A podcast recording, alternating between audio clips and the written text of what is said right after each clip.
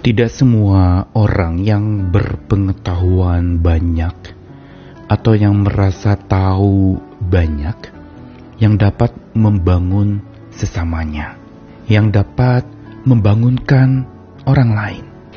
Ada kalanya dan banyak kali orang yang tahu banyak atau yang berpengetahuan banyak justru bukan membangunkan tetapi meninabobokan karena dia sendiri kerap dininabobokan oleh pengetahuan itu. Artinya apa? Seringkali pengetahuan itu membuat orang terbuai di dalamnya merasa sudah tahu itu sudah cukup. Padahal yang namanya hidup yang terbangun atau bertumbuh itu bukan sekedar tahu, tapi betul-betul kita melakukan apa yang kita tahu. Dan di sinilah gagalnya orang-orang yang merasa diri sudah tahu.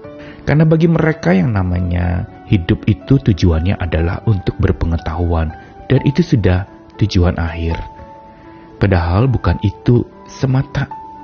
Pengetahuan Tuhan berikan agar lewat pengetahuan itu seseorang bisa berbuat kasih. Dan kasih itulah yang dapat membangun.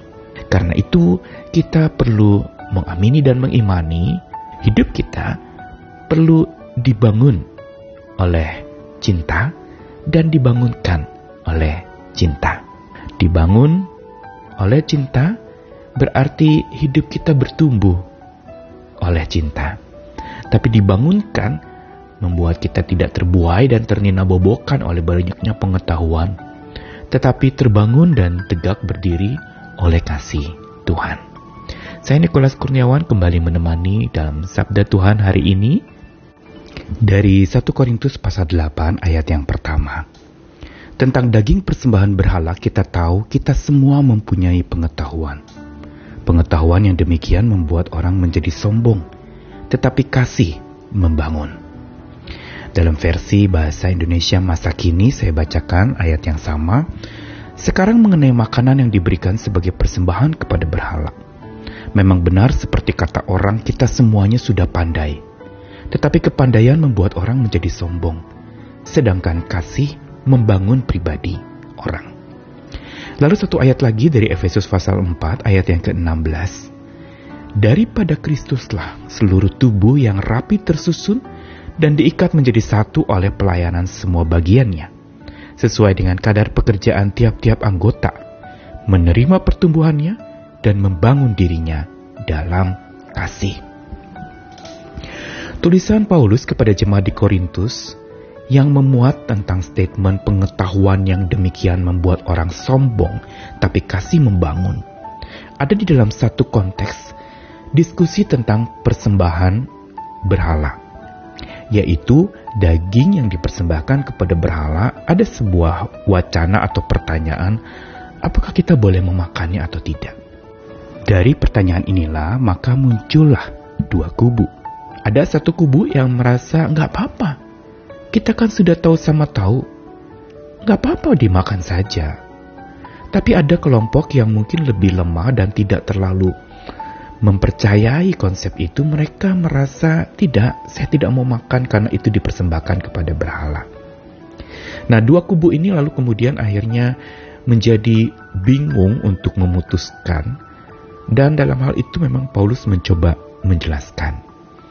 Yaitu bahwa kalau pakai standar pengetahuan, jadi kelompok yang satu merasa kita sudah tahu sama tahu, kita makan saja. Daging makanan untuk persembahan berhala itu tidak apa kita makan. Tapi ada orang yang lemah imannya dan menjadi merasa tersandung oleh tindakan orang-orang yang begitu mudah memakan daging persembahan berhala padahal itu baru saja dipersembahkan kepada berhala. Dan kelompok yang lemah imannya ini bukan lalu kemudian perlu disingkirkan dan Paulus menegaskan. Pengetahuan yang demikian membuat orang jadi sombong, tapi kasih membangun.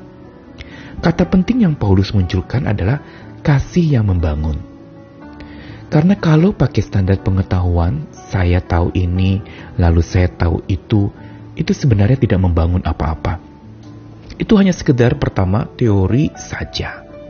Itu hanya sekedar sebuah kebenaran semata.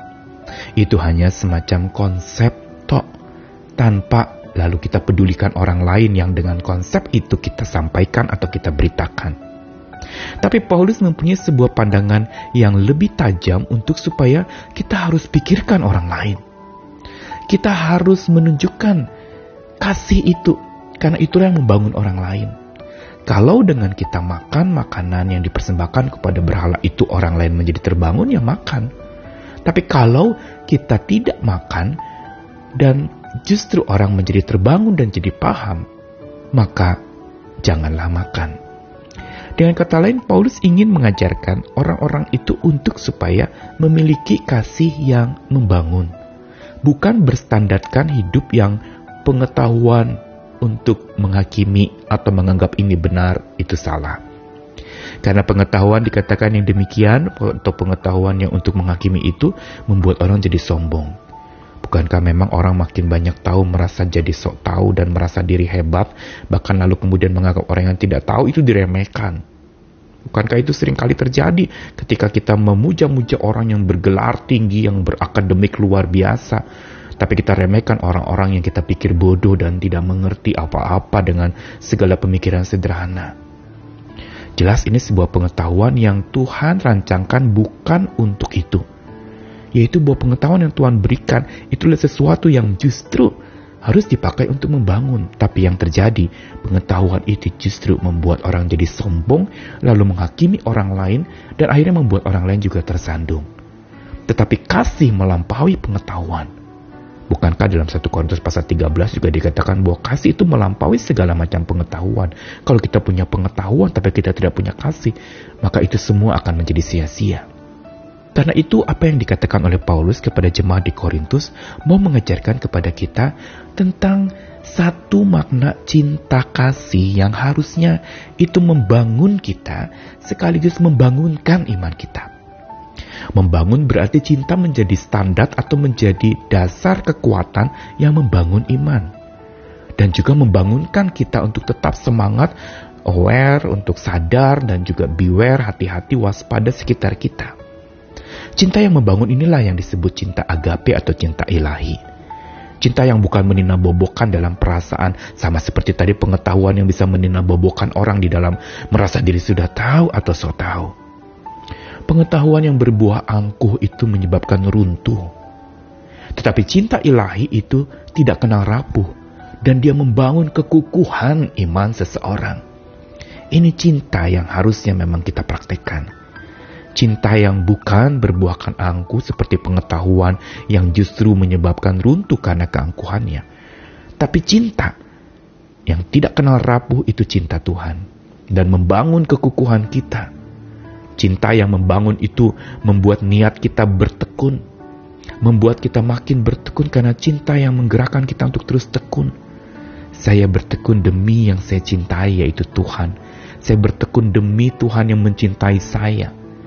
Saya bertekun demi cinta saya pula kepada Tuhan. Dan bukan niat bertekun, cinta yang membangun juga membuat kita giat merukun. Hidup rukun satu sama lain seperti tadi di jemaat Korintus yang mereka akhirnya konflik hanya karena perbedaan pandangan mengenai persembahan berhala itu. Tetapi orang yang giat merukun akan menyatukan perbedaan itu menjadi satu pemahaman yang sama-sama tenggang rasa, saling mengerti perasaan orang lain, dan tidak melukai perasaan orang lain. Tenggang rasa inilah yang perlu dibangun, supaya kerukunan bisa bertumbuh dan kasih yang membangun atau cinta kasih yang membangun dan membangunkan itu juga akurat tersusun. Berarti apa? Ada proses penyusunan.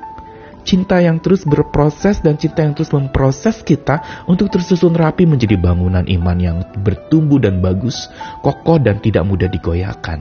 Sehingga akhirnya bangunan iman kita membuat kuat saat kita menghadapi masa padang gurun dalam hidup.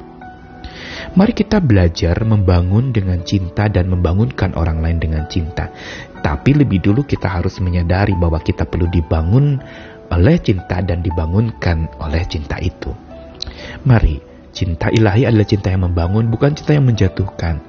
Jadi jangan sekedar kita jatuh cinta, tapi kita membangun cinta agar cinta itu terbangun dan membangun hidup kita. Mari hiduplah di dalam cinta kasih Tuhan yang membangun dan terus menyemangati kita. Tuhan mengasihi kita, ayo bertumbuh dalam cintanya dan terus ditumbuhkan oleh cintanya. Amin.